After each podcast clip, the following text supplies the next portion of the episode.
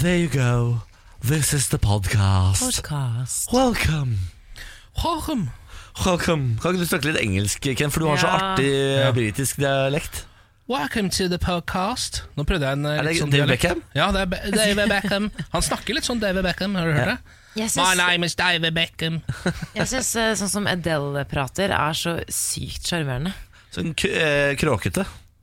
Kråkete. Ja, for jeg tror hun snakker ordentlig cockney. Hun snakker cockney. Ja. Og det er litt sånn kråkete. Ja, jeg syns det er Jeg skjønner hva du mener med, med at det er sjarmerende, det kan det være, men samtidig så føler jeg at hun framstår så mye mindre smart med en gang hun åpner kjeften, fordi hun synger jo som en gudinne.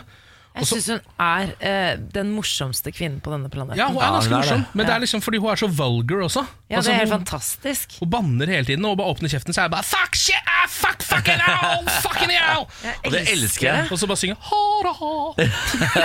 Men mindre smart kan du ikke si. Det er, eh, det er faktisk ganske diskriminerende Nei. mot cockney-folk. Men det er Ja, som men å jeg er ganske cockney-diskriminerende, det har jeg alltid vært. Men det er som å høre en østfolding, en Ja. bred østfolding på radio. Du- Han høres jo ut som han har rømt fra et sted. Ja, han gjør jo det det. i. Han gjør det. Ja. Eh, og det samme med Cockney, jeg er helt enig. Ja. Dette er Morgen på Radio 1 som har eh, lasta ned Eller som blir lasta ned på din podkast-applikasjonsapp.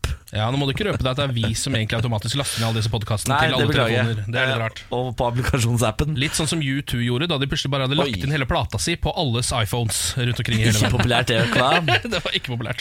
I løpet av denne podkasten skal du få frastøtningsartisten Ken Vasenus Nilsen. Ja. Hva er det for noe? Det er en spalte hvor jeg lærer folk å holde kvinner på avstand, istedenfor å få dem så nære inn på livet at du plutselig sitter med barn eh, og stakittgjerde og Volkswagen. Aff, Ja, det høres forferdelig ut. Dette trenger du å høre. I tillegg til det så får du Silje Sandmæl, som er vår eh, økonomiekspert i dag.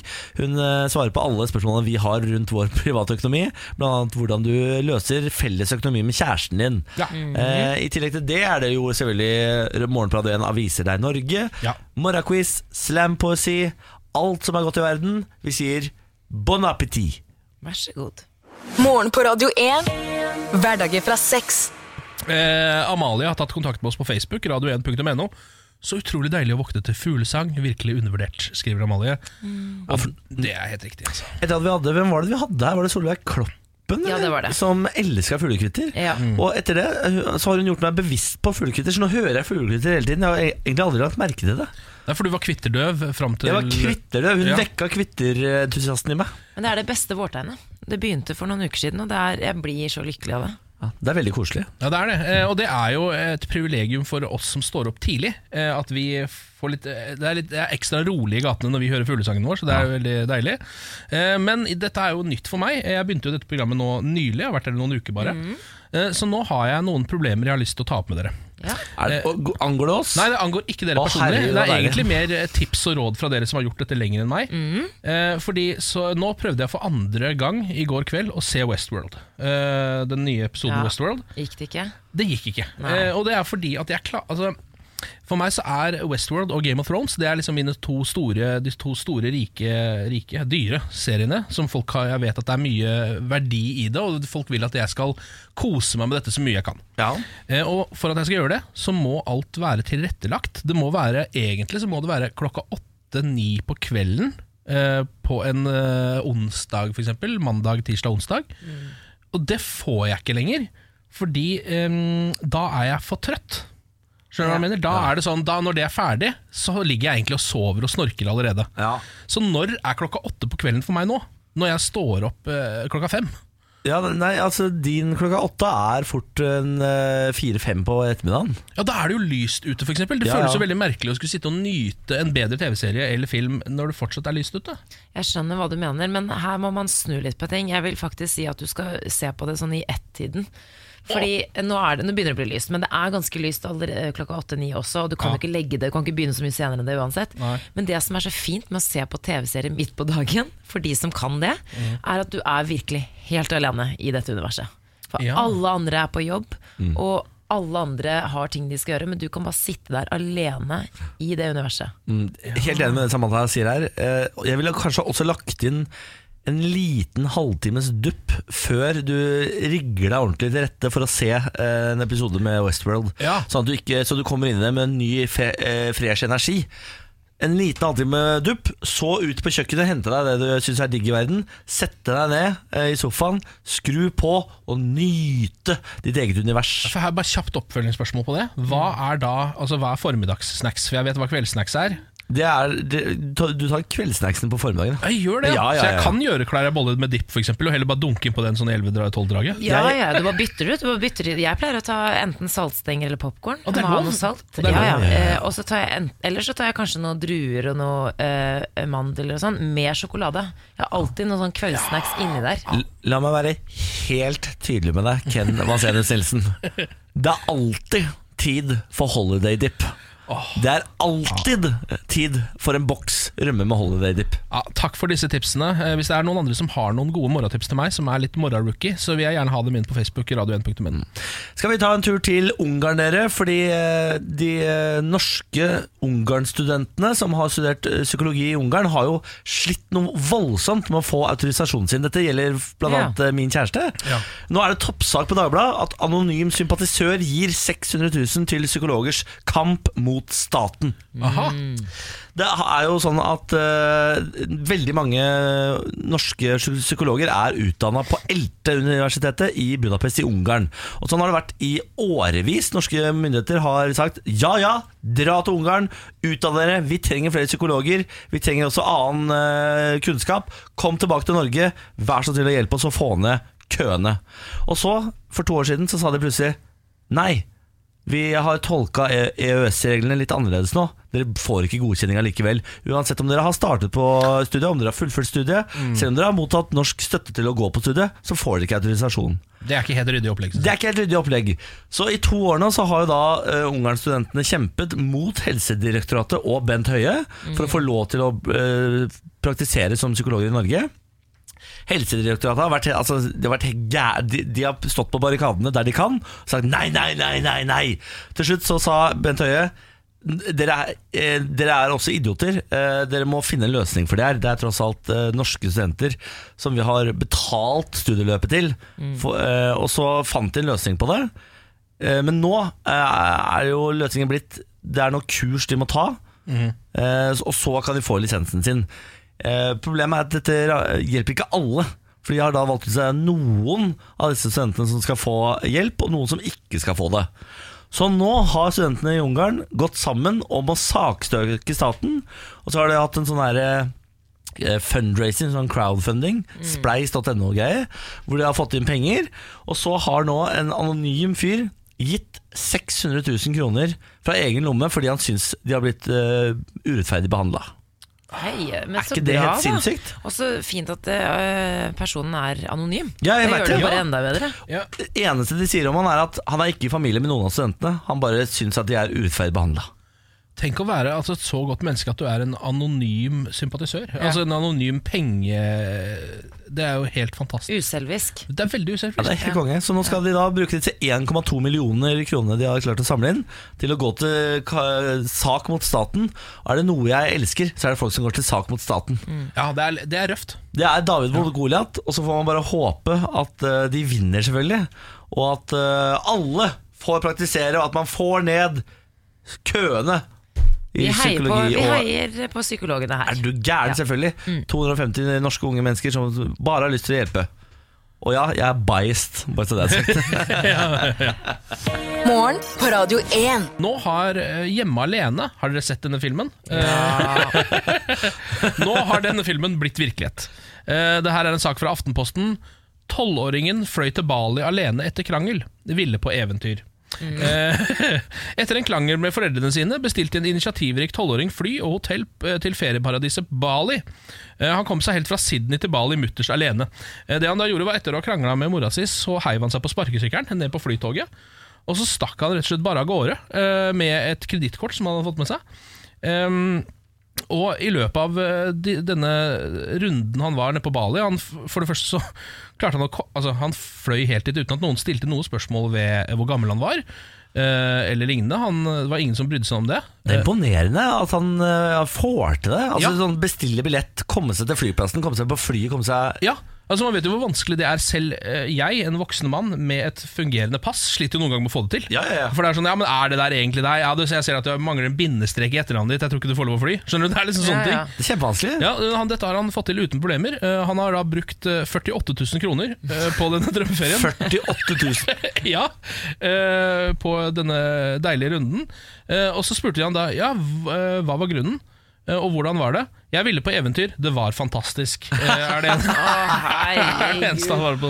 Men Bodde han på hotell og sånn, da? Ja, eh, og det står her at det eneste de spurte om var på flyplassen så spurte de om passet hans og ID fra skolen, som viser at han går på, på ungdomsskolen, står det her. eh, selv om han er tolv. Ja, det stemmer kanskje? det? Ja, det stemmer det. Ja.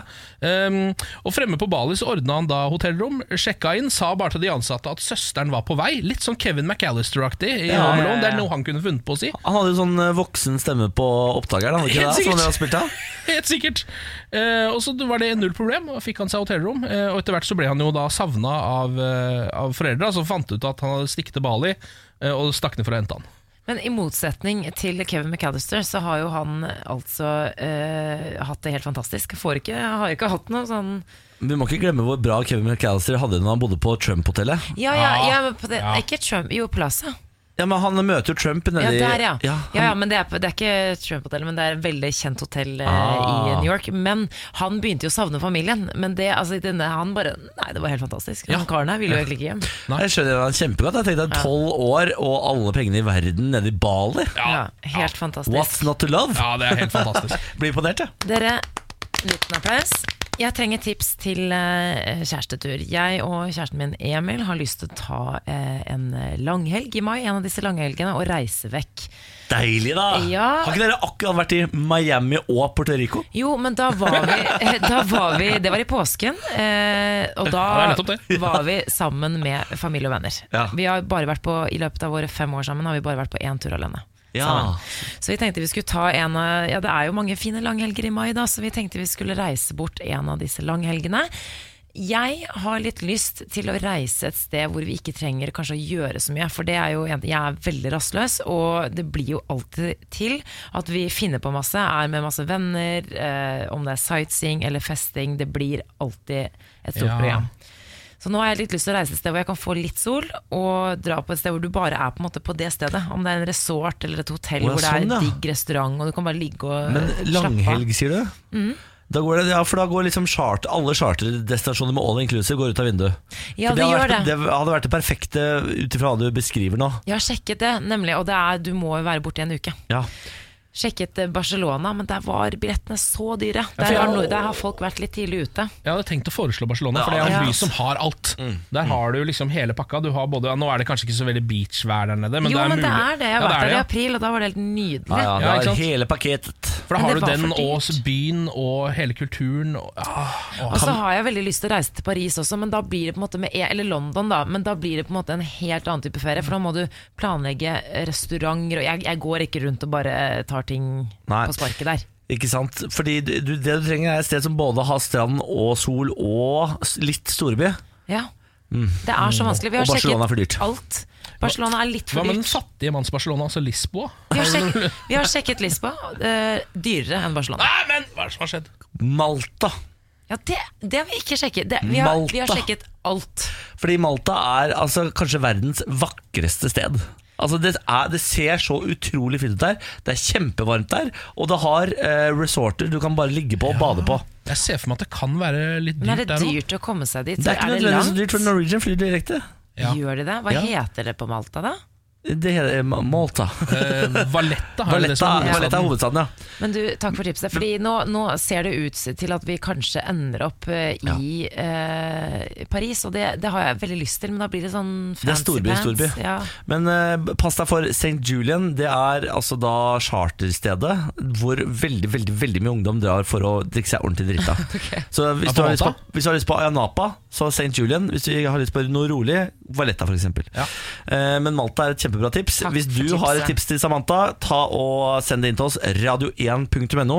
Det er jo ingenting som er bedre enn å gi gode reisetips. I hvert fall ikke når folk følger de. Det er det beste jeg vet. Ja, det er så deilig Jeg når de så kommer glad tilbake etterpå. Du, Jeg er så glad for at jeg tok det tipset fra deg. Det var redda hele ferien. Da føler jeg at jeg er på en måte den, eh, ferieengelen Niklas, kaller jeg meg da. Ferieengelen Niklas kaller du deg da. morgen på Radio 1. Dette er Morgenprat igjen. Samantha Skogran, Ken Vasenius Nilsen og jeg heter Niklas Baarli. Velkommen skal du være, du kjære lyttevenn. Dette er en helt ny radiokanal. Eh, Vi har bare holdt på noen måneder. Vi er i april og starta opp i januar. Så det at du har funnet oss, betyr at du er en del av en eksklusiv liten gjeng som vi er ekstra glad i. Ja, Når vi plutselig har verdensherredømme, som vi jo skal ha, mm, ja, ja på sikt, ja. så skal vi tenke på deg og tenke sånn Du, kjære venn, du var der når vi starta. Eh, Og en av det vi kommer til å tenke på da, er Ronny. Eh, Han prøver jo fortsatt å bli kjent med oss, eh, siden vi ikke har vært her så lenge. Og han sier her nå Bare et spørsmål her, spør han på Facebook, radio1.no. Har noen av dere tatovering? Ja, Ja, jeg har jo tatovering. har du det? Du har jo sett den, den er her. Ja, det der, ja. Du har, har jo sånn klassisk Ayanapa-tatovering. Ja, nettopp. Eh, Det ble faktisk tatt det året jeg var på Hersonisos, men det var ikke på Hersonisos eh, jeg tok den. Men jeg har to stjerner på håndleddet fordi søsteren min, som har mange tatoveringer, hun overtalte meg, og vi tok den sammen. Så vi har Du, søstertatoveringer. du, du skylder på søstera di? Ja, men det, hun er jo fem år eldre enn meg, klart det. Jeg var jo 18 år, nettopp vært russ. Ja. Men betyr det at det er, er det på en måte én stjerne for hver? At dere Ja, for- begge er stjerner, er det det det betyr? Ja, jeg bare liker stjerner, og hun Jeg har to, og hun har fem, fordi det er fem år mellom oss. Mm. Ja, ja, ja, Så det betyr ikke at du er tostjerners, men så er femstjerners? Det er ikke det det betyr. Jo, det er akkurat det det Ja. betyr. Mm. Du da, Ken, du er egentlig den jeg liksom hadde sett for meg skulle ha en liten tramp stamp et eller annet sted. Ja, nei, ja, jeg har faktisk ingenting, eh, og det syns jeg er litt, eh, litt synd. eh, med meg. Det er det ene tingen jeg er litt misfornøyd med med min egen kropp, i tillegg til eh, et par andre ting. Å herregud, vet du hva jeg så for meg nå? Ja. Hvor rå du hadde sett ut med to dråper. Ja, Shit, det hadde vært I rå! trynet. Yes! Eller hva med en iskrem i fjeset, sånn Gucci Mane? Yes, det hadde yes, også yes, vært noe. yes, yes, yes, Det yes. hadde vært kult. Jeg var ekstremt nære å ta en tatovering når jeg var i Spania med ekskjæresten min. Eh, men han syns jeg hadde vært mye finere med bling i øret. En sånn stor sånn diamant i øret. Det hadde, jeg tror, Så ja, men jeg endte opp med å ta det. Så det har jeg hatt. Ja, men du har det ikke Heller det. Jeg har hull i øret fortsatt. Ja. Hender Fordi, det at du setter blingen inn og bare tenker 'dette her er blingdagen'? det er ikke så lenge siden jeg hadde bling i øret, faktisk. Eh, Det var, eh, hvis du går tilbake i arkivet og ser Firestjerners middag, så har jeg bling i øret under middagen eh, hjemme hos Klaus Sonstad. Kan jeg informere om. Men jeg synes det hadde vært veldig ålreit hvis en av oss hadde bare flekka av, og så hadde det vist seg at vi hadde altså heltatovert Yakuza-overkropp. Å, fy faen. Det hadde vært litt Det hadde røft. vært så rått. Ja, det hadde vært Det hadde kult, vært så altså. rått. Ja, ja. Jeg kjenner en fyr som har tatoveringer over hele fjeset, inkludert i fje- altså, over hele kroppen, inkludert fjeset. Hele kroppen hans er tatovert. Det er ganske vilt. Rå type. Dere, nå skal vi inn i det filosofi eh, filosofiske hjørnet. da bytter jeg ut O med Å når jeg er i det filosofiske hjørnet. Eh, vi skal inn i Tenketanken. Velkommen. Her inne må vi ha på de mykeste stemmene. Vi har på oss hver vår lille jumpsuit fra One Piece International. One Piece International. Ikke le. Nei, ikke lov å le. Beklager. Dere, spørsmål. Hvis man bare kunne spist mat av én spesiell farge Hvilken farge hadde dere valgt? Mat av Jeg tenker grønn med en gang. Grønn eh, fordi det er sunt og salat og Ja, men også bare fordi at eh, hvis jeg skal snacks og sånn, så er det jo det er mye godt som er grønt. Da. Du har jo avokado, du har edamamebønner. Veldig mye Men så var det ikke så veldig mye Ja, det er ikke så mye søtt oppi der, da. Men eh, er det da lov å putte eh, kylling farga grønt, indisk style, inn sånn, i dette kostholdet? Ja, det må jo være lov så lenge den er grønn. Men da må du alltid ha den grønne kyllingen. Da. Jo, men den er ganske god. Den er veldig god. Ja, er- Jeg tenker umiddelbart brun, ja. Da kan du spise sjokolade, kjøtt eh, og bikinibønner. Du har Det blir ikke et veldig langt liv, da. saus. Det blir Det ikke blir et kort liv. Og så må du også ste gjennomsteke alt kjøttet ditt, sånn at det ikke er rødt eller rosa, for da går du inn i en annen kategori. Ja, men Ja. da faller Godt kyllingen din ut også, Ken. For da, den er jo hvit inni, vet du. Bare grønn utenpå den. Ah, fankeren. Ja. Mm. Så hvis du skal legge de reglene for meg, da, da hamrer jeg ut kyllingen din òg. Hva tenker du da, Ken? ja, hva med hudfarge da? Da kan jeg jo spise Er det en farge, forresten? hudfarge? Er det lov å si? Beige? Jeg tenker på beige. I Altså, 2018 tror jeg ikke det er lov å si uh, Nei, for, hudfarge jeg, for jeg husker Før så hadde da vi drev og holdt på med karandasj på skolen, altså sånne fargestifter Så Karandasj, fy faen, skyt meg. Et karandasj! Skyt. Nei, det er ikke lov. For da var det et eget som læreren sa dere kan bruke hudfarge på huden. Og det var da uh, litt sånn som vår farge på huden, eh, Niklas. Altså veldig en hvit du er til, Sier du at jeg er brun? Til og med du er litt for Du brun. er jo halvt meksikansk. Ja, det, ser du. Det er ikke lov å bli Det er ikke, det er ikke lov å Sier du at jeg er brun? Ja, det er ikke lov å bli er brun. Eh, Så i så fall så ville jeg gått for det hvis det er lov med Karandasj sin hudfarge. Fordi da har man både kylling og svinebiff eh, Åh. etter den stekt oppi det. Den er ikke dum, den, altså. Nei, og ikke kanskje og, mm, ja, det, blir lite, altså, nei, det blir lite tilbehør, da. Rødt, da. Da har du eh, tomatsuppe. Suppe. Mye salsa, sauser. Oh. Habanero er? Chili sauce. Ah, Sweet chili sauce. jeg tror ikke jeg kunne levd uten uh, sriracha, så jeg tror faktisk det måtte bli rød. Altså. Men det blir et veldig sausrikt liv. Da. Det er nesten ikke noe annet enn saus du kan jeg, spise. altså, jeg, jeg må ha sriracha, Ja. så, så det blir rødt for meg. Jeg hadde aldri hørt om den sausen inntil du nevnte den forrige uke. Hadde du ikke? Nei. Jeg liker, smakt på jeg liker kjøttkaker, salt og pepper, og det er det eneste. Jeg, er liksom, jeg, jeg vet hva koriander er, det liker jeg veldig godt. Herregud, kjøttkaker. Koriander er grønt, det kan jeg spise. Eh, jeg kan spise en hel Jeg, plante. jeg går tilbake til brun, for jeg kan da ha kjøttkaker i brun saus hver dag. Med så mye min. pepper jeg bare orker. Og brun lapskaus kan du også ha. Og lapskaus. Det er godt, det. Ja, det var det. Ikke, ingen rare lyder. Niklas, Å, slutt. vet du hva, jeg hiver en til oppi der. Bare for at du skal være sikker på at du tar brun. Ja. Chili con carne. Å, fy faen. Oh. Åh. Åh. Ja, ferdig nå. Morgen på Radio 1. Og nå har vi besøk av økonomiekspert Silje Sandmer! God morgen. For en velkomst! Ja, Koselig, det. Veldig hyggelig. Det er ikke det dummeste du kan få deg. En Nei. liten applaus på morgenen. Tusen takk. Velkommen til oss. Takk. Eh, Du er jo for mange kjent fra Luksusfellen. Ja. Eh, Hun som drar hjem til folk som er helt fullstendig ræva i økonomien sin, og eh, ordner opp. ja. Hjelper de tilbake på føttene. Nå er du her for å svare på våre spørsmål og de der utes spørsmål. Hvis dere har et spørsmål til Silje, må dere gjerne gå inn på vår Facebook-side, radio1.no. Skal vi bare gyve på? Kjør på. Jeg kan, jeg kan starte med meg, fordi jeg og kjæresten min Benjamin Vi er nå i ferd med å skulle innføre felles økonomi. Det har vi aldri hatt før. Hva, eh, hvilke alternativer innenfor felles økonomi er det man har når man som ungt par liksom skal sette i gang? Jeg tenker at det viktigste er at det er rettferdig. Ja. Ja, og der er det litt sånn, fordi folk snakker jo ikke om økonomi. Man vil jo ikke virke gjerrig eller kjip i et forhold. Gud forby. Sånn at det, det å ha en felles konto, hvor man da setter inn et, eh, et eh, likt beløp gjerne. Når du er samboer skal du egentlig sette inn kanskje etter inntekt, fordi da har man hver sin økonomi. Man skal det.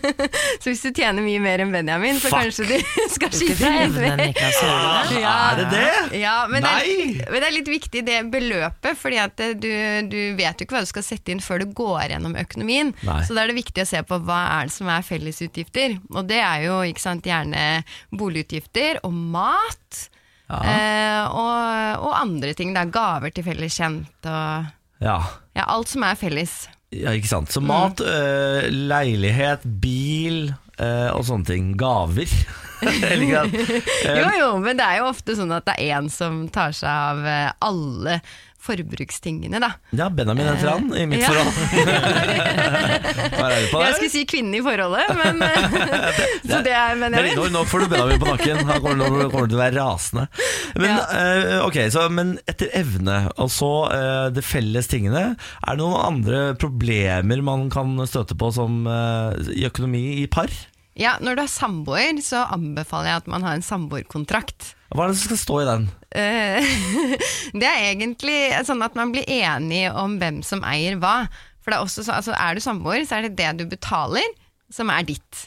Men da er det jo litt sånn da at ikke sant? Ja, jeg kjøper sofaen, og jeg kjøper stereoanlegget, og så bare deler man litt på. Ja. Eh, men når man går ut av det, så er det litt sånn Nei, den vil jeg ha. Eller hvis det er gaver man får, ikke sant? så kan man plutselig si at det er felles, osv. Så, videre. så sett, eh, sett alt ned på papir. Dette er mitt, dette er ditt. Og når du da får eh, lån og eierandeler i bolig, så, så skriver du ned det også. Ikke, det- blir ikke litt sånn formelt, da, forholdet? Så skrive Jo, jo. hver minste ting man liksom har. Men det, det er jo noe med det, da. Når man er venner, så er ting sånn greit. Ikke sant? Men man går jo fra hverandre fordi man kanskje ikke er venner lenger. Da. Ja. Og da vil man jo krangle på den minste ting. Men eh, når det kommer til, altså Jeg har ikke samboer sånn som eh, Niklas og Samantha, men jeg har en del venner som jeg noen ganger føler at jeg har delt økonomi med. Fordi Vi låner jo penger til hytt og gevær sånn etter hvem som eh, plutselig er godt stilt og hvem som ikke er det. på en måte Ja. um, Og Der har jeg lurt på et par ting. Sånn som for eksempel hvis en av Si at jeg har lånt eh, et, en sånn betydelig sum, la oss si det er 10 000 kroner, da, Ja. til en god venn, og så dør han. Ja. Har jeg krav på de pengene da? Det er kjipt, sier jeg bare. dette, dette eksempelet elsker jeg. Eller burde jeg lage kontrakt på dette? Ja, det er jo det ja, på. Beste eksempelet. Men det er akkurat det, da. Det er så ekstremt mange, altså eh, ikke bare parforhold, men også, også venner, som eh, faktisk mister vennskapet. Fordi at man går da og gnager på de 10 000 som Ja. man skulle ha hatt. Ja. Og så ser man bare kompisen bruke masse penger på byen, så er det sånn Ok, hvorfor kan ikke jeg få 50 kroner Ja. i måneden, i hvert fall? For det har jeg på en måte ikke krav på de pengene. Har jeg bare gitt de til han egentlig? Er det Nei bare da, du har jo krav på de, men det er jo en sånn sant, vennskapelig greie. Det er derfor du må ha en, en, et gjeldsbrev. Fordi Ja. at eh, hvis da han er så kjip at han bare nei, nei, de gidder jeg ikke å gi tilbake. Eller dør. Eller dør. Ja. så Så har du, ikke sant, da, har du, da kan du faktisk eh, Altså da har du krav som en annen kreditor. Hvis han eier noe, så kan du da kan du få det, men det er andre som kanskje er før deg i køen, hvis han har boliglån og billån osv. Men eh, hvis ikke, så, så kan du faktisk også gå til namsmannen og få penger altså, fra lønna hans. Du kan få lønnstrekk. Du kan gå så langt. Ja, så jeg må kanskje bli litt kjipere på de Men vil du gå så langt? ja, men det er, ja, men det er litt gøy å bare sånn altså, Det er jo ikke sikkert jeg trenger å gjøre det, men så, la oss si det er Niklas da, som jeg har lånt penger til, så kan jeg komme og gjøre krav på bikkja hans, f.eks. Og så trenger jeg jo ikke å gjøre det, men da vet han i hvert fall at jeg har en viss Ja, ja, makt da over blir han. litt redd, da. Ja, da vet han at jeg har makt over han, f.eks. Ja, det det er dårlig. greit å gjøre det formelt, altså. Ja. Men uh, Silje, jeg har litt sånn høy puls her jeg sitter, fordi jeg er uh, dårlig uh, på egen økonomi. Jeg er ikke så veldig flink til å holde styr på ting og tang. Og så, Jeg har egentlig bare spart to ganger i mitt liv, og den ene gangen var eh, det jeg sparte opp til russebussen. For ti år siden, og Den andre gangen var da jeg gikk på en skattesmell i fjor. Og Da måtte jeg betale restskatt. Nå måtte jeg spare litt penger. Men jeg tenker sånn, jeg har litt sånn tjen og bruk-mentalitet. eh, High five, siste. Ja, har jobbet. Tjen og bruk, tjen og bruk. Og så lurer jeg på, jeg er snart 30 år. Hvordan starter man eh, å spare penger når man ikke har gjort det før? Altså, hvordan kan man begynne? For jeg merker at jeg bare Jeg, jeg orker ikke å ta tak i det, for nå er jeg flau. Nå er jeg ikke 20 år lenger. Nei, ikke sant? Hvordan begynner man å på en måte få styr på egen økonomi og begynne å spare penger? Nei, det, det, altså det er noe med å bare trekke Når du får lønn, så går altså du går i nettbanken, så tar du autotrekk. Sånn at det forsvinner inn på en sparekonto. Men så er det jo sånn at du selvfølgelig kan ta de pengene ut igjen, da. Hvis du er veldig Sånn som meg, ja. Veldig udisiplinert. Men da tenker jeg når det er under 30, altså under 34, så spar i BSU. Fordi da går jo pengene til bolig, og det skal du jo ha en gang uansett. Men, eh, og så får du ikke pengene ut igjen. Altså Du gjør det i løpet av året, da, men det blir litt mer låst. Men det er mitt andre spørsmål. Eh, er det for sent å starte med BSU nå? For Nei, min nei. Så lenge du er under 34, så fyll opp hvert eneste år. Og ikke bare det, men du får jo fratrekk på skatten. Så hadde du spart nå, så hadde 5000 kroner. Ikke sant? Som Det er en spart- tur til Barcelona, det. Exactly. Boom. Alle unge Eller mennesker sparekonto. bør, bør spare i BSU. Det er mange som lurer på BSU, så det har kommet inn et spørsmål fra Astrid her også. Um, er det noe poeng å spare IPS når man ikke fyller opp BSU-en? Jeg sparer både PBSU og IPS hver måned, men kommer nok ikke til å klare å fylle opp BSU. Burde jeg heller droppe IPS og sette alt inn i BSU? Hva er IPS? Ja, begynn der. Ja, Skal jeg begynne? der. Individuell pensjonssparing. Ok, ja. Ja, og da tenker jeg, altså er du under 34, så prioriterer du BSU. Utvilsomt. Ja. Altså, ja, det er viktig å spare til pensjonisttilværelsen, men eh, bolig er jo langt viktigere. Altså sånn til å begynne med. Så prioriter BSU. Det var Yes. veldig klart og fint svart, Yes. Astrid. Fyll opp B. Sund. Eh, lykke til, Silje Sandmæl. Takk for at du stakk innom og svarte på alle spørsmålene våre om økonomi. Bare hyggelig. Morgen på Radio 1. Jeg fikk tilsendt en eh, sak fra noen på vår Facebook-side i stad, radio1.no, med overskriften 'Her er norgeshistoriens villeste travhestnavn'. Ja vel. Ja. Er vi klare for å ta en runde med travhestnavn som er Norges villeste gjennom tidene? Yes. Ben Dover. Ben Dover? Er, er det sant? Ja da, det er det. det. Det er på en måte den eneste grove vi skal ta. Og så er det altså, tra, Har du noen gang vært på travbanen? Nei. Det, det som er så utrolig gøy med travhester, er at navnet på travhestene blir jo ropt over stadion hele tiden. Jep. Her kommer bend over, bend over, bane ja. fire, bend over, kommer på bane, bend over på oppløp her. Eh, og da, hvis du for eksempel da har eh, eh, Birk, tante Ragnhild, som er, er som er et navn, eller eventuelt Partyløve, Partyløve i bane fire, Partyløve, Partyløve, ja. eh, Lørdagsgodt, Potetgull, Brennevin, Brennevin? Brenne, Brennevin, Ja. ja, det er ikke noe. Ah, Eller helt konge. Det, det er, jeg liker det så veldig godt. Helle Månedamia. ja. Det er veldig østfoldsk navn. Raggafanten. Ja, Uh, sørpefanten. Fanten går igjen her. Ni tall er bra latin. Si det, Gjenta det, Niklas. Hesten. Ni tall er bra latin. det var et veldig langt, langt navn. da Og i bane tre har vi ni tall er bra latin. Der kommer potetgullet bakfra. Ja. Ja, det er Ja, ikke så der, ja. Mm. Bourbon Ice, Never Again, One Too Many, Under the Table og Selbukuken. Selbukuken. Yes! Du sa at Bend Over var den eneste grove du skulle ta. Ja, men Jeg måtte ta én eh, grov på dampen. Ja. Men altså en liten applaus til alle der i travmiljøet som finner på navn til hestene sine. Dere er sabla gode. Ja, det er veldig bra. Eh, er det noe interesse for at jeg eh, nå forteller litt om verdens første meme? Jeg tror ikke det finnes uh, noe annet enn interesse for det. Nei, det tror ikke jeg heller. Um, nå har de altså oppdaga et 100 år gammelt meme. Eh, og Niklas, skal ikke du som er eh, mye på internett, forklare hva et meme er? Meme er eh, ja, Det er ofte et bilde med tekst eh, på, Ja. som eh, beskriver en trend, f.eks. Eller det er, det er noe som har gått viralt, da. Ja, det er akkurat det. Eh, I 1976 så var det en fyr som het Richard Dawkins, som da var han som coina, altså på en måte tok eh, æren for ordet meme.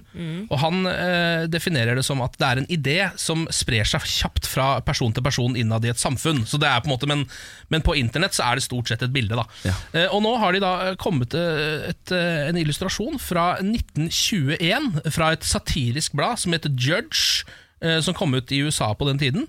Um, og der har de da altså det de mener er verdens aller første meme. Der har de da eh, to eh, illustrasjoner ved siden av hverandre. Det ene er av en velkledd herremann i smoking. Det andre er også av en velkledd herremann i smoking, men han ser rarere ut i fjeset enn den første. Ja. Er det, gir det mening? Ja, det gir mening. Ja. Og så står det under det første av den velkledde eh, herremannen med godt fjes, så står det How you think you look when a flashlight is taken. Og så, på den andre med han med rart fjes, How you really look. Skjønner du hva jeg mener? Ah, at han egentlig ser på en måte verre ut enn Ja, det Hvordan du tror du ser ut på et bilde, og hvordan du egentlig ser ut. Ja, og n- n- Når var dette fra? Dette er fra 1921. Og dette her er jo 1921? oppskriften på, på ett eller en meme. Jeg er usikker på hva som er eh, riktig der. En, mi- ett meme? Et Ja. meme, tror jeg. Ja, ja. Jeg tror et meme er riktig. For det er jo det vanligste memet, er jo nesten det der. Ja, hvordan du tror du ser ut, og hvordan du egentlig ser ut, f.eks. Det er jo et klassisk meme. Ja, tenk det, da. Men eh, Så de holdt på med det her allerede for 100 år siden? Ja, allerede for 100 år siden så tenkte de på Lagde de satire rundt dette ved at eh, når, faen. eh, når, eh, når du blir tatt bilde av så Skal er ikke det være sikkert- mulig. Det skal det er ikke veldig spesielt. være mulig. Jeg vil eh, snakke om en sak som jeg syns er veldig trist. Jeg så et eh, innslag i går med en eh, håndballspiller fra klubben Larvik. Som nå sliter om dagen. For om eh, to uker så kan Larvik håndballklubb være konkurs. De mangler tre millioner kroner. Og pengene må de ha innen 9. mai. Og de har ikke penger nok til å betale spillerne lønn engang. Og denne uken har det vært eh, krisemøter eh, som følge av de økonomiske problemene. Og det har jo vært problemer der uten at egentlig alle har vært klar over det. Så det, i går så var det en spiller som rett og slett tok til tårene fordi hun var så lei seg over situasjonen. Og det kan jo Altså Larvik er jo en veldig markant klubb i Norge. Ja, det var det jeg også skulle si. Det er jo en av de håndballklubbene jeg har hørt om, som ikke følger veldig mye med på håndball. Nettopp. Og de har jo gjort det veldig bra. De har jo vunnet serien 13 år på rad, før de faktisk måtte se seg slått av Vipers Kristiansand. Så de er Rosenborg, eller er håndballens Rosenborg, da. Nettopp. Ja. Um, og nå er det altså krisestemning, og det har også vært eh, lavere publikumstall Nei, i år. nei, og det begynner nei. å slite. Og jeg syns det er så trist at Og sånn som håndball eh, Kvinnehåndball da spesielt er jo veldig populært i Norge, og Larvik har vært en av de største klubbene. Og det er jo også sånn at det har jo ikke vært superbra økonomi sånn generelt i Norge, og at mange av disse håndballspillerne må jo jobbe på si Ja. for å kunne holde på med det her. Og jeg bare syns det er så innmari trist. Nå er det tre uker, 9. mai, eller egentlig bare to uker. Hva Ja, gjør man da? Jeg synes det, er, det er veldig rart at liksom, den mest suksessfulle klubben skal Ja. gå dukken. For da er det jo et eller annet Da er det enten Nå vet, har jeg, ikke, vet jeg ikke så mye om saken her, men da er det jo Enten så må det jo da være at eh, interessen rundt klubben og publikum og sånn har dalt noe, sånn, noe så veldig, eller så må det være noe vanskjøtsel. Det står jo her at det gikk bra en stund, men etter at eh, profilene forsvant litt i fjor, så sank markedsverdien til klubben noe voldsomt. Det er flere som spiller i Europa nå, f.eks. Ja, De har solgt unna sine stjernene sine, ja. Jeg tenker Her må Larvik som by Ja. eh, kjenne sin besøkelsestid. Og så må alle begynne å gå på Larvik-kamper igjen. Og så må de putte penger inn i klubben, fordi jeg er tross alt så heldig at jeg har hatt en enerklubb såpass lenge. Eh, og så må de tenke sånn Dette kan vi bygge opp igjen fra bunnen av. Og se på det som en dugnad. Ja. Men siden det er såpass kort tid, så kan det hende det virker som det er eh, Tre millioner klarer de å ordne. Ja, men det kan hende det er rik onkeltid, altså. Ja, det ja, kan hende ja. en av, at det rett og slett må komme en rik eh, larviking. Og er det noe vi vet, så er det at øh, norsk sport ofte har en rik, rik onkel. Det har jeg lært av det heimebane. Ja, det er helt riktig! Der har du lært alt du kan om norsk I sport. TV-serien. Ja, I TV-serien, da. I en av verdens beste TV-serier. Ja, god den. Ja, den er veldig god. Keeperen er for tjukk, men Han er ellers for tjukk, men ja, er- utover det så er det veldig bra. Morgen på Radio 1. Peter Madsen forsøkte å få med seg TV 2-journalist på ubåttur. Har dere hørt om det? Ja vel. Altså norske TV 2? Ja. Oi, oi, oi. oi. Eh, dette er jo en rettssak som pågår i disse dager. Peter Madsen er tiltalt for drapet på den svenske journalisten Kim Wall, og dommen er ventet i dag. For eh, fire og et halvt år siden eh, hadde TV 2-reporter Trine Wam, hun er en tidligere kollega av meg jobbet sammen i TV 2, hun hadde en intervjuavtale med den nå eh, drapstiltalte Peter Madsen. Og det ble en skremmende opplevelse, kan hun fortelle. Hun skulle egentlig lage en reportasje om eh, rakettforskere. Ja. Peter Madsen var jo blant dem. Eh, han, hun var på plass på et verksted i København.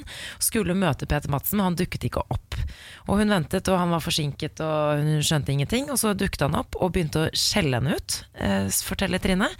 At han begynte å kjefte på meg helt ut av det blå. Han sa jeg ikke var til å stole på. Ingen kvinnelige journalister var det. Og at alle journalister var ute etter å fremstille ham som gal. Og midt i utskjellingen eh, så endret plutselig Madsen seg, ifølge Trine. Hun, eh, han ble helt annerledes og sa, så på henne og sa jeg har en mye bedre sak til deg. Jeg har nemlig en ubåt som jeg skal ut på tur med, og inviterte meg med på denne ubåtturen. Han mente det var en mye bedre historie. Og eh, Trine var så satt ut av at hun ble utskjelt av Peter Madsen at hun valgte da å ikke bli med på denne turen. Lurt. Og fulgte magefølelsen hennes. Og i dag så sier hun at hun blir kvalm eh, av og tanken. Og hun er jo nå i København for å følge denne rettssaken, og får grøsninger når hun tenker på at hun eh, ja, blir invitert med ut på tur. Jeg har sett en dokumentar om Peter Madsen eh, fra hans tidligere dager. eh, Da han eh, drev med dette rakettprosjektet sitt. Um, og Da kommer det fram at han slår hodet. Han får en sånn voldsom hjernerystelse. Og så reagerer Og dette her var jo lenge før noen visste hva han kom til å gjøre senere. Eller ikke gjøre, det vet vi jo faktisk ikke ennå helt. Man kan forhåndsdømme han helt heller Men allikevel. Um, og da forandrer han også personlighet noe så kraftig, sånn at alle de venn, nærmeste vennene og kollegaene hans reagerer på det i den dokumentaren. Og tar det opp med han på tape. Du har forandret deg veldig, skal du gå til legen en gang til og titte på det hodet ditt? Sier det til han hele tiden. Uh, og han blir mer og mer paranoid og rar. Er det sant? Oi Ja. Det er skikkelig skremmende opplegg. Dette har jeg aldri hørt øh, noe om. Nei, den, eh, den fins der ute. Det ukjente siden av Peter Madsen, altså hoderystelsen som endret personligheten hans. Det har vært ganske lite fokus på den. Jeg tror det er fordi Man kan ikke påvise at den hjernerystelsen hadde noe å si, men det er jo påfallende. da Ja, det fall, er det fordi. Fram til da så virka han som en ganske vanlig mann. Eller ikke vanlig, for han var jo et slags geni, men allikevel. Ja, ja, altså Han er jo mannen som har bygget en ubåt. Ja, ja. Så drap eller ikke, spesiell er han. Det er han det absolutt. må være lov å si. Ja. I dag kommer altså dommen mot Peter Madsen. Det blir jo spennende å se. Så jeg leste forsvareren hans sin, eh, sin hva er det, Mm. sluttargument i går. Mm. Hvor de, han kjempet for frifinnelse av de verste anklagene mot ham, f.eks. drap og sånn. Ja. Eh, For det er, han har jo innrømmet noe, partering og sånn. Ja, ja. Eh, Og det er han villig til å sone for, men akkurat drap eh, og sånn, det vil han ikke sone for. Nei, ikke sant. Nei, det, det blir veldig spennende. Dette her spennende. er altså uh, framtidens beste true crime-serie, bare at det går Det nå. er det. det er det Men det må bare tillegge en liten fakta. og Det er at uh, de har jo også funnet materiale hjemme hos han som uh, kan vise at han har vært interessert for disse tingene som holdt på med ubåten. Ja, han har jo, han, han har jo sett på torturvideoer av kvinner. Ja, men det er Og halshugging og noe ja, men det er visstnok animert. Oh, ja. Alt sammen er animert. Ja, da er det, det jo For det syns jeg var litt viktig å vite. Oh, ja. For jeg, Ellers så er det jo rein snøff han har sett på. Det er, føler jeg er liksom noe litt annet enn Men er, var alt animert? Sånn som jeg skjønte, så var det animerte Å, ja, ting. sier du det? Ja. Uh, all right, eh, fra noe eh, utrolig spennende og tragisk til noe eh, langt hyggeligere og mer lokalt. Ja takk! For nå er det Morgen på Radio 1 av deg i Norge. eh, Spalten hvor vi daglig eh, går gjennom en lokalavis, eller ukentlig, da. Følger den hver eneste dag. Og denne uken er det jo Drangedalsposten, Ja. eh, som dekker Drangedal i Telemark. Vi har vært innom saker som Torbjørg Nybråten, 90 år, syr fortsatt egne klær, og min kongepyton heter Linnea. ja da. I dag er det følgende sak. spiste 40 år gammelt blåbærsyltetøy. Hæ? Ja, dere hørte riktig. Jeg ser at det, nå er dere helt satt ut i trynene Jeg har ikke hørt maken. jeg. Nei. Eh, Nja, det var kanskje ikke noe nam-nam, men grei smak, sier Hans Olav Åkre da han smakte på et 40 år gammelt blåbærsyltetøy. Og så går det inn i en litt sånn beskrivende del av saken her. Et to liters norgesglass med 40 år gammelt blåbærsyltetøy skal åpnes. Spenningen til oss tre rundt hagebordet i Kjosen er stor. Hans Olav Åkre, kona Hilde og undertegnede er spente. Kan et 40 år gammelt hjemmelaget syltetøy smaker godt?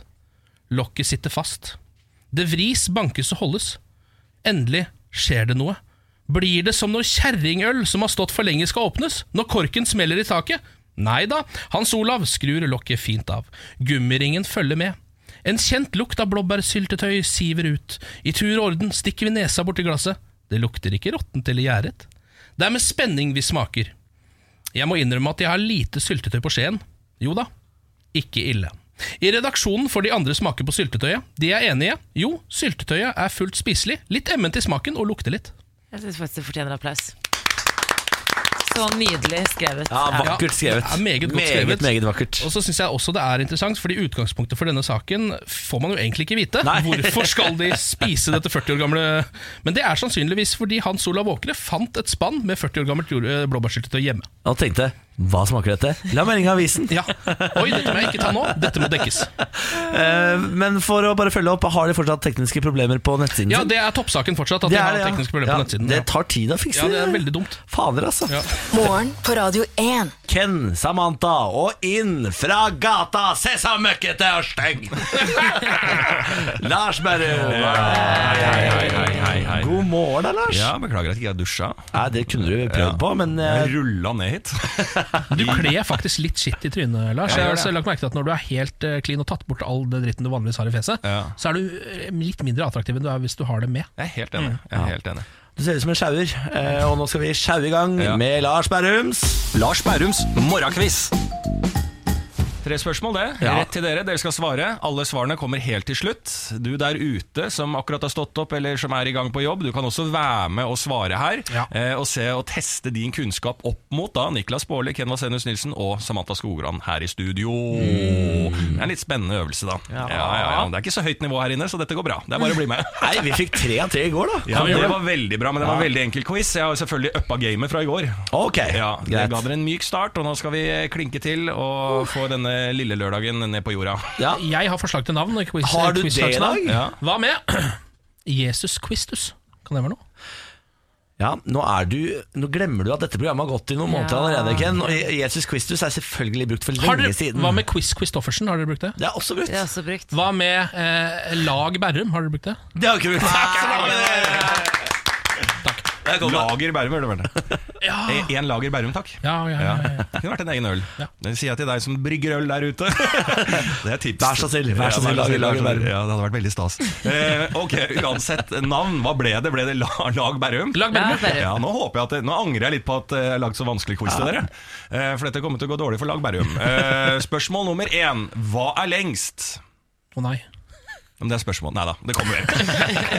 Hva er lengst? Endetarm, tynntarm eller tykktarm? Tarmspørsmål, ja. Var blind der, eller var det Nei. Hva var det du sa for noe? blindtarm? Var den der? Var blind.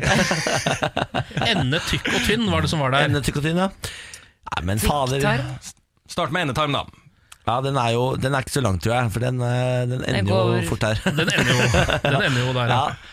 Så Eh, tykk og tynntarm, er, sånn, er det noen av de som er sånn, ser ut som rullede pølser? jeg gjetter på at kanskje tynn tar igjen i lengde det tykk er i Bredde, tykkelse. Det var liksom det eneste resonnementet jeg også hadde. Eh, Oi, så Niklas er faktisk inne på noe her? ja, eller, nei, det er ikke sikkert. Det er- Jeg kan jo ingenting om dette. Men det bare høres litt fornuftig ut. ja, Ja, men jeg kan være med på den. Ja, Svarer vi tynn, da? ja, Tynn tarm? Tynntarm. Og så kan dere få et eh, ekstrapoeng også hvis dere tipper cirka hvor langt. Altså én persons vanlige, sedvanlige gjennomsnittlige tynntarm? Ja, Fire og en halv. Ja, det er, det er drita langt, vet du. Ja. Fire og en halv. Ja, meter. 4,5 meter. Ja. ja. Tynntarm, 4,5 meter. Endelig svar. Yes. Ja, Ok, da går vi på spørsmål nummer to. Hva kalles en hunnrev? Oi! The female fox. Hunnrev uh... Jeg vet ikke hva en hannrev kalles engang. Jeg er rev, det. Det er bare rev, ja. Fordi, ok Men hunnrev, er de en del av liksom, er, Rev er jo ikke i bikkjefamilien, er det? Ja? Så det, er- så det, kan det er ikke tispe, liksom. Å ja, sånn ja. Skjønner du? Ja, nettopp, ja. Men det er ikke det, eller? ja. Det kan det godt være. Hva, For jeg, jeg, jeg, er ikke, jeg, tror ikke liksom, jeg tror rev er en egen slags familie. hva så- kalles hundkatter igjen? Er det hundkatte? Nå spør du vanskelig, Niklas. Kan det være kattefamilien, da? Rev? Ikke sant? ja, ja. Jeg er så ute på sånne type ting. Jeg kan ingenting om dyr. Går det for katt, da? Vi svarer mår. Jerv. Endelig svaret jerv. Nei, jeg kan Jeg er helt eh, blank. Det har helt sikkert et helt eget navn, men, Men nærmest tispe jeg er det kommer er beste vi tispe. Ja, vi sier tispe, vi. Ja. Ok, da er endelig svaret da, eh, skal vi si, Er det revetispe vi går for da? Ja. Ja, ja, ja. Ja. Spør spørsmål nummer tre. Må vi følge litt med her. Hvilket havområde har forbindelse til Middelhavet gjennom Suezkanalen? Hvilket havområde har forbindelse med Middelhavet gjennom Suezkanalen? Egypt? Altså det, det området der, ikke sant? Altså, det er hav, jeg er ute etter et hav. Jeg vet det, men vi ligger det, Suezkanalen det går jo i Egypt der, sant? Ja, Det er mulig, ja. Hvilket Da er det jo det havet som ligger Du har jo Atlanterhavet mellom eh, Europa og USA, og så har du Hva heter eh, Adriater Nei, det er ikke den Hva heter det? Adriaterhavet? Ja. Ja, for det er noe som heter det i hvert fall. Eger Der har jeg bada når jeg har vært i Adriater. Kroatia, tror jeg. Ege- e- Eger Eger? Eger. Eger. Eger. Ja, faen, er ikke det nedi der, da? Er ikke der, der kan du bli, bli kapra med skipet og sånn. Kapra med skipet. Ja, ja, ja. Somaliske pirater. ja men jeg tror vi nei, Jeg lurer på om det kan være nede der. Ja. Men nå sa jo nettopp Lars, eh, som egentlig er sånn uoffisiell leder av Lag Bærum, det er derfor han vil at vi skal vinne i dag, Ja. at eh, da han var i Kroatia, da badet han i Jeg tror det var et tips Og at det ikke er er ja, men Adriaterhavet. nettopp, og da er det litt for langt unna, så da er det Ja. kanskje Eger. Det Egerhavet. kan også kan det være et hav som Niklas Baarli har bada i, da. Ja, for det er ikke Stillehavet. Dødehavet. Svartehavet. Dødehavet, Svartehavet. Det så mange hav. Dødehavet er, nei, det er, inn, det er det- Dødehavet ligger jo midt Det er jo Israel og Palestina Ja, ja, ja, ja, ja. og Jordan, Ja. og det er jo lukket. Det skal vi lage, grave ut en eh, for å fylle opp igjen, for det er i ferd med å bli borte og greier. Ok, Ok, Spennende, spennende, Middelhavet, Niklas. Svartehavet, Gerhavet Har vi noe Jeg svar? har så lyst til å si Egerhavet, jeg. Skal vi si det? Ja, vi kan godt vi si det? si det, Ok, altså. ja. Ok, Egerhavet blir da deres endelige svar. Ja. Da får vi alle svarene. Ja, takk. Spørsmål nummer én. Hva er lengst? Endetarm, tynntarm eller tykktarm? Her gikk dere for tynntarm. Dere tippa 4,5 meter. Ja. Jeg sa at dere kan få ekstrapoeng. Tynntarm er riktig. Ja! Den er lengst. Ja! Den er 4-6 meter. Steike ta, altså! Å, fy faen. Ja, er her- det er to poeng, det. Ja, nå er vi Jobber, gode. jobber oppi Ja, nå nøtta! er Kan det dette var være det er veldig de bra. to eneste vi får? Så vi Ja. Til eh, morsom informasjon for den eh, tarmelskede personen som nettopp har stått opp, som visste at det skulle bli stilt spørsmål om tarm i dag, som hadde klokka på ekstra tidlig. Eh, tykktarmen er da 1-1,5 meter, og endetarmen er 10-15 cm. Spørsmål nummer to. Hva kalles en hunderev? Her var vi innom eh, mye forskjellig. Eh, Vi svarte mår. eh, var innom her. Jerv var jeg innom. Ja. Det var mye resonnering. Men det var på en måte bra resonnering òg, for det endte i tispe. Ja. Revetispe er riktig. Så Enkelt kan det Skjønner ikke at vi gjøres. fikk rette. Og så var det jo dette her da, hvilket havområde har forbindelse til Middelhavet gjennom da denne kanalen, Suezkanalen. Ja. Her var det innom Dødehavet etter noen tips og hint. Ja. Egerhavet endte dere på. ja. Eh, Rødehavet er Ah. riktig. Rødehavet. Har ikke du bada i Rødehavet, Niklas? Nei, jeg har ikke det. Har jeg du ikke det? Har jeg det? Jeg trodde du hadde bada i det. men det er jeg som misforstår. Det, det kan hende jeg har skutt meg Det jeg dritt av. Men det blir uansett tre av tre, for vi fikk ekstrapoeng. Ja, tre poeng i dag. Det er Herregud, to dager på rad! Lag. Bærum. Lag. Bærum. Tre av tre. Ja, det er rått, ass. For en dag. Lars Bærum, vi snakker med deg seinere. Du får sette deg i sofaen og ha en kaffe, for det blir slampoesi senere i dag. Om det gjør. Dette er morgen på Radio 1. Og eh, i denne redaksjonen så er vi jo Jeg vil si vi er en sammensatt gjeng. Ja. Eh, Men én fyr skiller seg litt ut. Det er den single, den evig single Ken Vasenius Nilsen. Ja. Jeg vil si Du er den jeg kjenner som er best på å være singel. ja, eh, jeg er i hvert fall den som har fått det til over lengst periode av de du kjenner, eh, sannsynligvis. Absolutt. Eh, og det er jo fordi at jeg, i tillegg til å være radioprogramleder eh, og alt det andre, alle de andre beinene jeg har å stå på i dette livet, så er jeg også frastøtningsartist. Hele veien fra Moss i Østfold. Ta han vel imot. Frastøtningsartist Ken Vasenius Nilsen! Det visste dere kanskje ikke her i redaksjonen. Jeg har ikke snakka så mye om det, eh, men dette er jo noe jeg har holdt på med i altså, mange, mange år. Um, starta opp med det omtrent rundt 2005, da Neil Strauss ga ut sjekkeboka The Game. Som, ja, som er for pickup-artister. Ja, for det er, de, de ser jeg litt ned på. Eh, Det er en helt annen gjeng, Bizarro-utgaven av frastøtningsmiljøet. Som da er folk som eh, gjennom tips og triks prøver å sjekke opp kvinner eh, for å kunne ligge med dem. Det er stort sett menn som driver med dette. Det er Eh, pickup-artisten. Ja, pickup-artisten, ja. Ja. Ved hjelp av eh, masse sånne triks som, eh, som de har utvikla gjennom tidene. Ja, Men hva gjør da en frastøtningsartist? Støter dem fra, får dem unna. Eh, fordi Det var det jeg tenkte da Neil Strauss kom med denne sjekkeboka. Så tenkte jeg, herre jemini, hvordan kan denne mannen bli millionær på noe så enkelt som dette? Fordi naturen fikser jo mann og kvinne sammen. Hele vår eksistens henger jo på at mann og kvinne skal ligge med hverandre, og det skal komme barn av det, som igjen skal ligge med hverandre. Ja. Altså ikke, Ja, du skjønte hva jeg mente. Ja, ikke jeg skjønner, skal ikke ligge. jeg skjønner, ja, jeg skjønner. Så jeg tenkte, dette er jo ikke vanskelig. Det som er vanskelig, er jo å gjøre det omvendte. Nemlig å klare seg å holde seg unna omgang med kvinnen gjennom et helt liv, sånn som jeg da har klart. Eh, Det er jo direkte naturstridig, faktisk, vil mange si. Så Derfor så har jeg eh, starta opp dette prosjektet. Jeg har masse leksjoner. Jeg tenkte kanskje vi kunne ta en i dag. Den går da ut til deg der ute. Men da gir du gratis bort din eh, livsvisdom som frastøtningsartist her på radioen? Ja, det har jeg faktisk okay. tenkt å gjøre. Jeg har også tenkt å reise rundt med dette og tjene masse penger på foredrag senere, Ja. selvfølgelig. Ja. Eh, Men det er jo greit å, å si det nå, så folk vet at tilbudet fins. En liten forsmak. En liten forsmak rett og slett eh, til deg der ute som vil holde deg fri og frank, eh, og ikke vil presses inn i samfunnets rammer og være singel hele livet. Leksjon 1. Leksjon 1 er 30-minuttersregelen. Den skal vi lære om i dag. Eh, I Bizarro-utgaven av dette miljøet, altså sjekkeartistmiljøet, så er det noe som heter treminuttersregelen. Nei, tresekundersregelen heter den. Um, Det er noe som sjekkeartisten Mystery har forsket seg fram til. Han har da funnet ut at um, det burde aldri gå mer enn tre sekunder fra man får øyekontakt med en kvinne, til man går bort og faktisk snakker med henne. Okay. Og Det er tresekundersregelen eh, som sier det, og det er fordi at da rekker man ikke å bygge opp nervøsitet. Uh, og det blir mer sånn spontant. Man bare gjør det. Man ser, og så, og så handler man med en gang. Det høres jo lurt ut, da, hvis du har lyst til å plukke opp. Men det er jo egentlig helt totalt uinteressant, for det der går jo av seg sjøl. Om, du, altså, eh, om du bruker fem sekunder, så kommer du sannsynligvis, eh, fordi naturen går sin gang, til å ligge med en eller annen kvinne uansett. På et eller annet tidspunkt i livet ditt. Men hva er dine regler, da? Det er altså 30-minuttersregelen, eh, og den tilsier at det skal gå minst 30 minutter fra du får øyekontakt med en kvinne, til du eventuelt går bort og snakker med henne. Eh, Og disse 30 minuttene skal du da bruke på stirring. La oss si at dette er en bar. Eh, og også ilagt tidvis flakking med blikket, har jeg lært at kan være en god måte å gjøre det på. Det som da vil skje, er at du sitter da og stirrer på denne kvinnen i 30 minutter. Jeg kan jo prøve det litt på deg nå, Samantha. Ja, ja, det Og så, og blir jeg litt sånn satt, satt ut innimellom Ja. og flakker litt med blikket. Um, og sannsynligvis så vil du ikke engang trenge å gå bort og ta kontakt med kvinnen for at kvinnen skal frastøtes.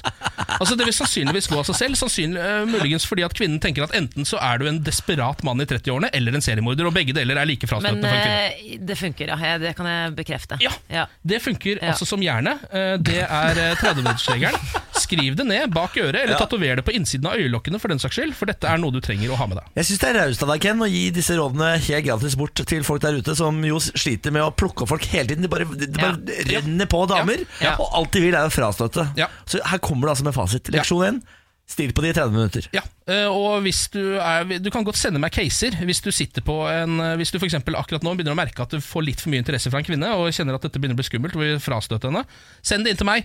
Kanskje jeg kan løse dette neste gang vi har eh, frastøtningsartistspalten her eh, på radioen. Nettopp. Dette er jo en eh, kjempeservice til de der ute. Ja. Eh, Ikke, ikke tenk på meg, jeg kommer til å tjene penger på dette senere. ja, ja, ja, nei, det, det er vi ikke redd for, Ken. Mm. Det er vi ikke redd for. Eh, Gå inn på radio1.no på Facebook. Send eh, ditt, din case til doktor Vasenius. Ja. Så ordner vi opp i det der. Jeg har allerede fått forespørsel om å holde et eh, foredrag på eh, julebordet til værmelderne på NRK. Eh, så det kommer jeg til å takke ja til. Jeg kommer til å stille opp der. Veldig bra, Ken. Takk. Eh, takk for leksjon én. Ja, hyggelig. Morgen på Radio 1. Ken, Samantha. Jeg heter Niklas, og se, her har vi dratt den inn igjen, da, gitt.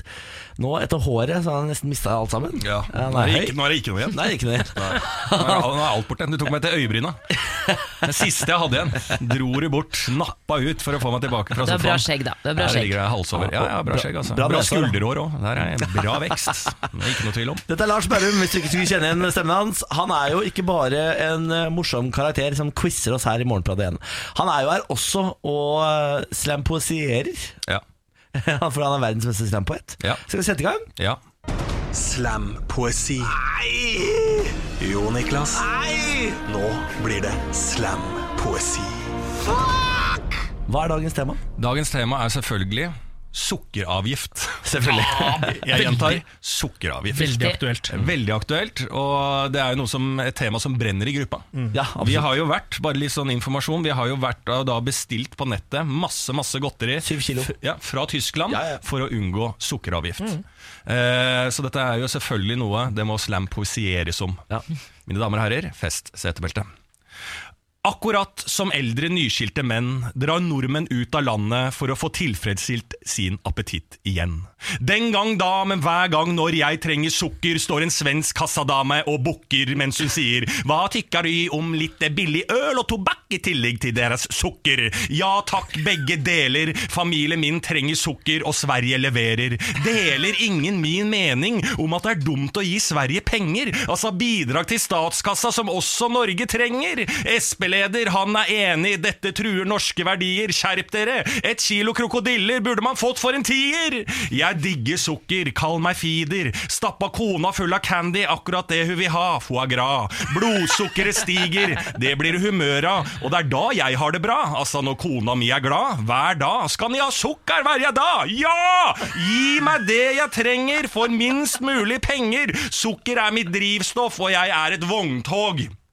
Avvik ved avgift er for pingler. Jeg er på nettet og mingler. Bestiller kasse på kasse, boks på boks og en hel del sukkerinnholdende pastiller. PS, nå må vi faen meg snart få gratis tannlegehelsetjeneste her til lands. For glem borren, disse sukkerødelagte tennene her trenges det drill til. Kanskje sukker er litt farlig, og mitt enorme behov trenger en chill-pill? Med godteri er det som med alkoholen, bare én til. La det stå til, det må til. Er det for mye, blir man vill, men godteri er det eneste jeg vil. Spise døgnet rundt, ja, gi meg kvise. Jeg popper den, kjenner på sukker og kvikner til. Jeg må til Sverige og kjøpe mer, mer og atter mer. Ingen måltid er fullkomne uten noe søtt, salt og syrlig til. Dessert, og dette bør jeg kunne få uten en avgift som minner om et diktatorisk militær. Men i stedet, mens helseminister Bent Høie sukker, drar jeg til Sverige for sukker. Dette er mitt valg som dere har skapt. Det er ikke jeg som har tapt, det er norske butikker, og i deres økonomiske klokke tikker, bikker i tap og nedleggelse i like ille som en innleggelse. Irriterende betennelse, skjerp dere, bestem dere, ombestem dere. Nå må jeg dra, det blir Tyskland i dag. Smågodt og brus kjøres i hus. Det bikker altså, jeg klikker hvis ikke min munn er full av smågodt. Det er mitt valg om jeg vil være sunn eller usunn. Avgift er jo faktisk en motiverende grunn til å reise, spise dritt som ikke magen har en bunn. Kommer du? Nå må du faen meg dra! Ja, det var kona mi Gunn. Nå må jeg dra. Dette blir bra. Tror du de har melkesjokolade i Tyskland, da? Det tror jeg eh, personlig er aller første gangen, og sannsynligvis siste, at Bent Høie blir nevnt i slampoesi. Og sukkeravgift. Ja, og sukkeravgift også, generelt. Ja. Mm. Og alt det andre òg, Ja, ja, kanskje. alt sammen. Lars Viatist Berrum. Verdens beste slampoet. Glem. Frode Grytten. Herregud. For en er ære. For en ære. Ja. Vi snakkes. Dette er morgen på Radio 1. Ken, Samantha, Pernille og Niklas her. Nå hadde jeg tenkt å si adios, men det blir feil. Nei. Hva blir uh, Hola. Hola! Det blir ja. Det blir Hola, riktig. ¿qué Hola! tal? ¿Qué tal? Hola, señorita. Eh, señor. Hola. I går eh, så eh, døde jo popkunstneren og partyikonet Push Wagner. Ja. Um, hvil i fred til Push Wagner, han ble 77 år gammel. Um, og i den anledning så tenkte jeg at vi um, kunne markere det her i Morgen på Radio 1 med den beste Push Wagner-historien jeg har hørt noen gang. Oi! Ja. Ja, spennende. Ja, og den her er egentlig Thomas Seltzer som har fortalt denne historien. Uh, han har fortalt den i en, uh, i en podkast som heter Alt du sier er feil. Espen som Thoresen og Skau hadde en periode. Og vi skal tilbake til tidlig 2000-tall. Eh, Thomas Seltzer eh, er, jo- spiller jo i Turboneger, i tillegg til å være programleder på NRK. Eh, og på denne tiden så driver de og spiller inn en plate av Scandinavian Leather i Oslo.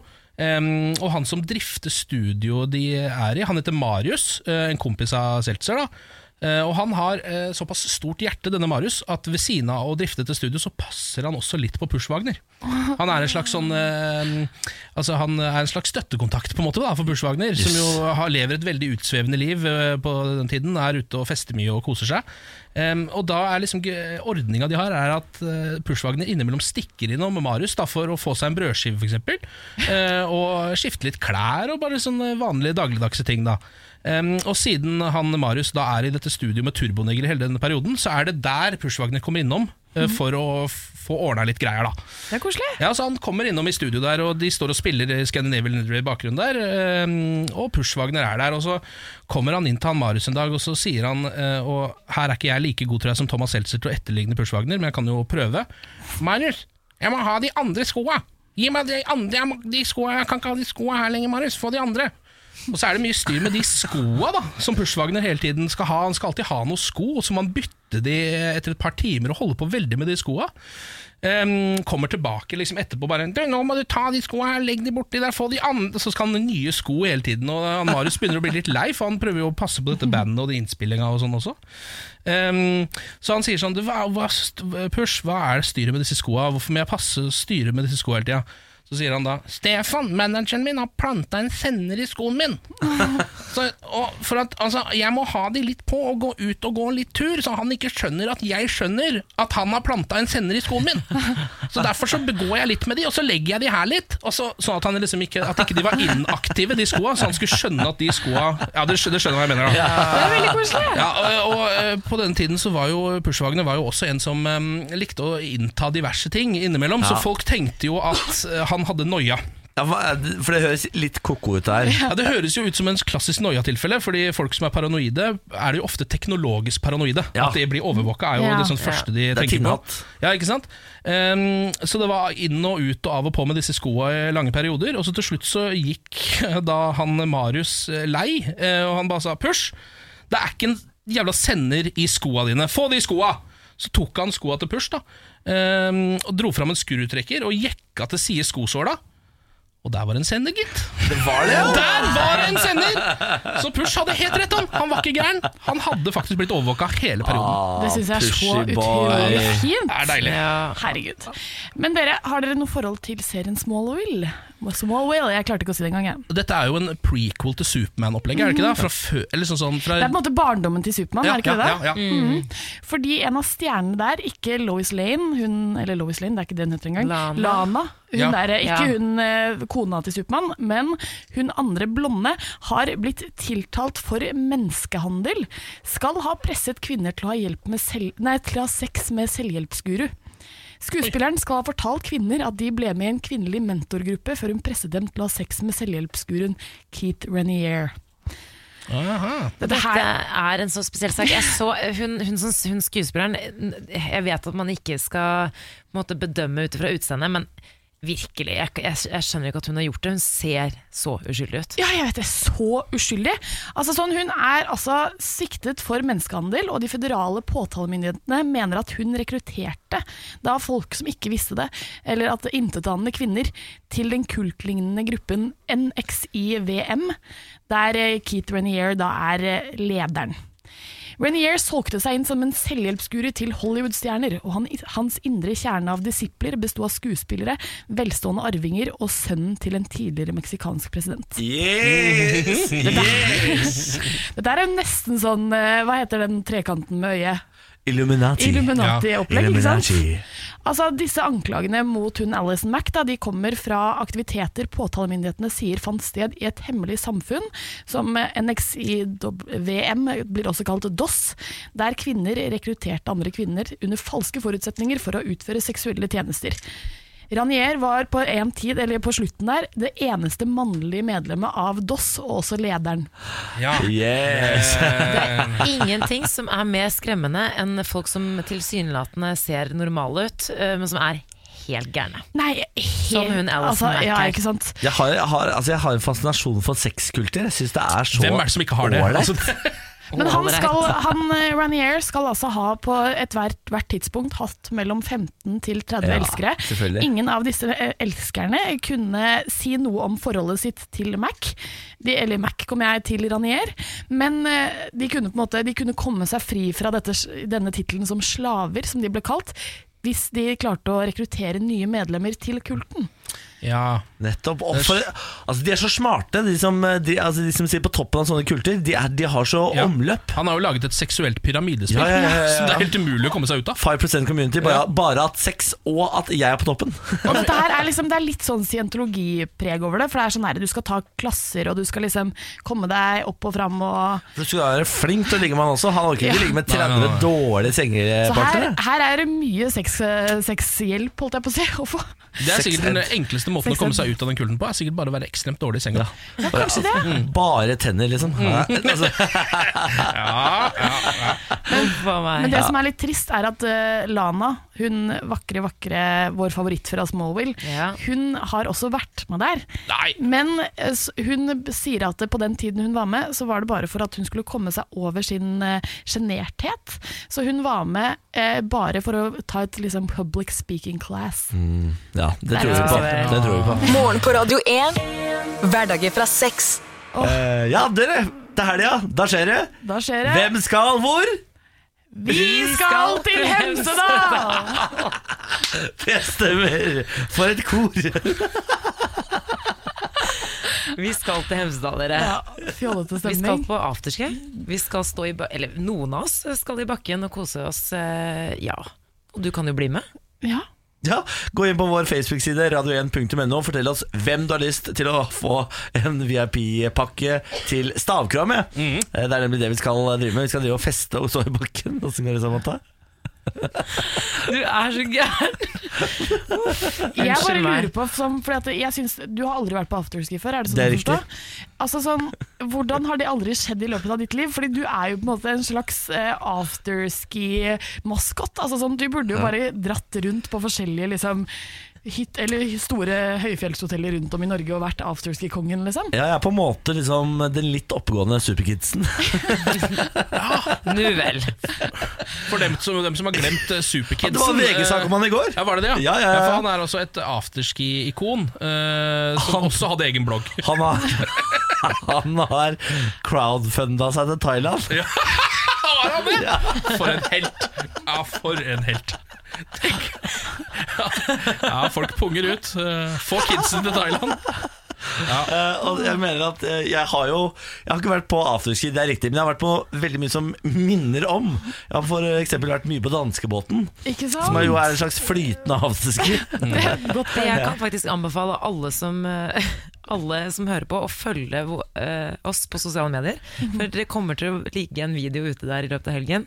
Niklas Baarli, stagedive på Savkrua. Ja, det er jeg ganske Ja. sikker Å på. ja, ja, ja, ja, nå snakker vi. Nå snakker vi. Jeg har også eh, Hva skulle jeg si nå? Nå, hadde jeg, nå gikk det ut igjen. Det var overkreativitet i starten, og så er jeg ferdig. Ja. Ja. Men hva skal dere ha på dere på afterski? Skal Ja, du gå all out med kyllingkostyme, liksom? Jeg føler at det er sånn Noen må greie man hjelpe. Pernille med hva hun skal ha på seg. Jeg tenkte kyllingkostyme, da, men Men jeg sliter masse med dette selv, fordi jeg har hørt at man ikke kan ha på seg jeans. Kan man ikke ha på Eller man seg jeans? kan det, men da er man liksom ikke afterski-fyr. Er du, du kan ha på deg jeans, men da blir du utstøtt. Ja, det blir utstøtt, og det blir jo, på en måte tolker jeg det som at jeg kan ikke ha på meg jeans. Men du har jo på deg sixpence til vanlig. Du kan jo gli rett inn. Du Petter er- Skjerven på afterski. Du, du har jo Petter Skjerven-outfit. Men Sixpence er ikke afterski-stil i det hele tatt. Jeg er ikke noe redd for det jeg skal ha på meg på overkroppen, for der ser jeg for meg at hettegenser er helt innafor. Ja, det helt Men jeg syns jeg må ha noe sånne um, Altså, jeg må hente noen Ja, curlingbukser eller uh... du må ordne deg rett og slett sånn, der, sånn trekvartbukser. Ja, Sånn, hva heter det igjen? ja trekvartbukser. Eh, Sånn, skjønner du hva jeg mener? Snickers, ja. Snickers. Snickers. Ja, nikkers, ja. Kanskje det er det, Snickers man må Det må Det hadde ordne vært så fint. Det sånn passer så godt i, ja, det passer så godt i Peter, Peter Skjerven-stilen. Yes. Tenk at jeg nå blir anbefalt å kjøpe tre fjerdedels bukser i beigebrun. Det er faktisk det dere sa nå. Det kommer jeg til å gjøre. Hvis du ordner en anorakk òg, så er du altså ti av ti. Anorakk har jeg. yes. Dette er morgen på Radio 1. This is it. Here I stay. Og hvilken låt er dette? Det er This is it uh, Michael Jackson. Michael Jackson. Det var rett og slett Michael Ja, Jackson. Ja. den siste, siste, siste vel. Det jeg, ja. Åh, jeg hadde billetter til den turneen hans. Det hadde jeg òg, faktisk. I London. Han skulle, Ja. ha, hva er det, skulle han ha 15 konserter eller sånn på Ja, O2? noe Ja. nå. Jeg, var jeg har sett Michael Jackson live. Har du det? 1997. Valle Hovin. Ja, på bursdagen min. Åh, det tror jeg var magisk. Jeg hadde også lyst til å være der, men jeg, jeg, jeg fikk liksom ikke lov. Foreldrene mine orka ikke å styre med det. Det ble for Hvor mye gammel greier. var du i 1997? Jeg var vel sånn 16, da. Åh, det er perfekt alder, for da hadde du husket det. For jeg, jeg husker egentlig ikke så veldig mye. Jeg husker bare at eh, min skoleklasse, mange barn fra min skoleklasse fikk lov til å gå på scenen med Michael Jackson, men jeg ble ikke utvalgt. Nei, Nei. er det sant? Du ble bortvalgt, rett og slett. Var det, var det under Heal the World? Uh, ja, det var det. Og du skjønner at Diana Ross sin unge gikk på min skole, så det var det Diana Ross var på skolen Evan vår. Ross? Han gikk på din skole. Ja, eller han, da han var her i Norge, altså Evan Ross Ness, eller hva han heter. ja. ja. Så Arne Ness sine barn eh, hadde tilknytning til vår skole, så han var jo der. Så plutselig står Diana Ross i skolegården. Man har et annet liv når man har vokst opp på vestkanten. Ja, Det er sånn Diana Ross sto i skolegården min fordi barna til Diana Ross gikk på skolen min. Sånt sånn skjedde ikke i Moss. Nei, På Grindvoll skjedde ikke det. I Moss så var det mer sånn Har du sett at det er bilde av Brede Bø i avisa i dag? det var det mer sånn Ah, hjelpes. Nei. Vi skal takke for i dag. Vi er tilbake i morgen med en ny podkast. Til da, gå med Gud. Bon voyage. Hei då.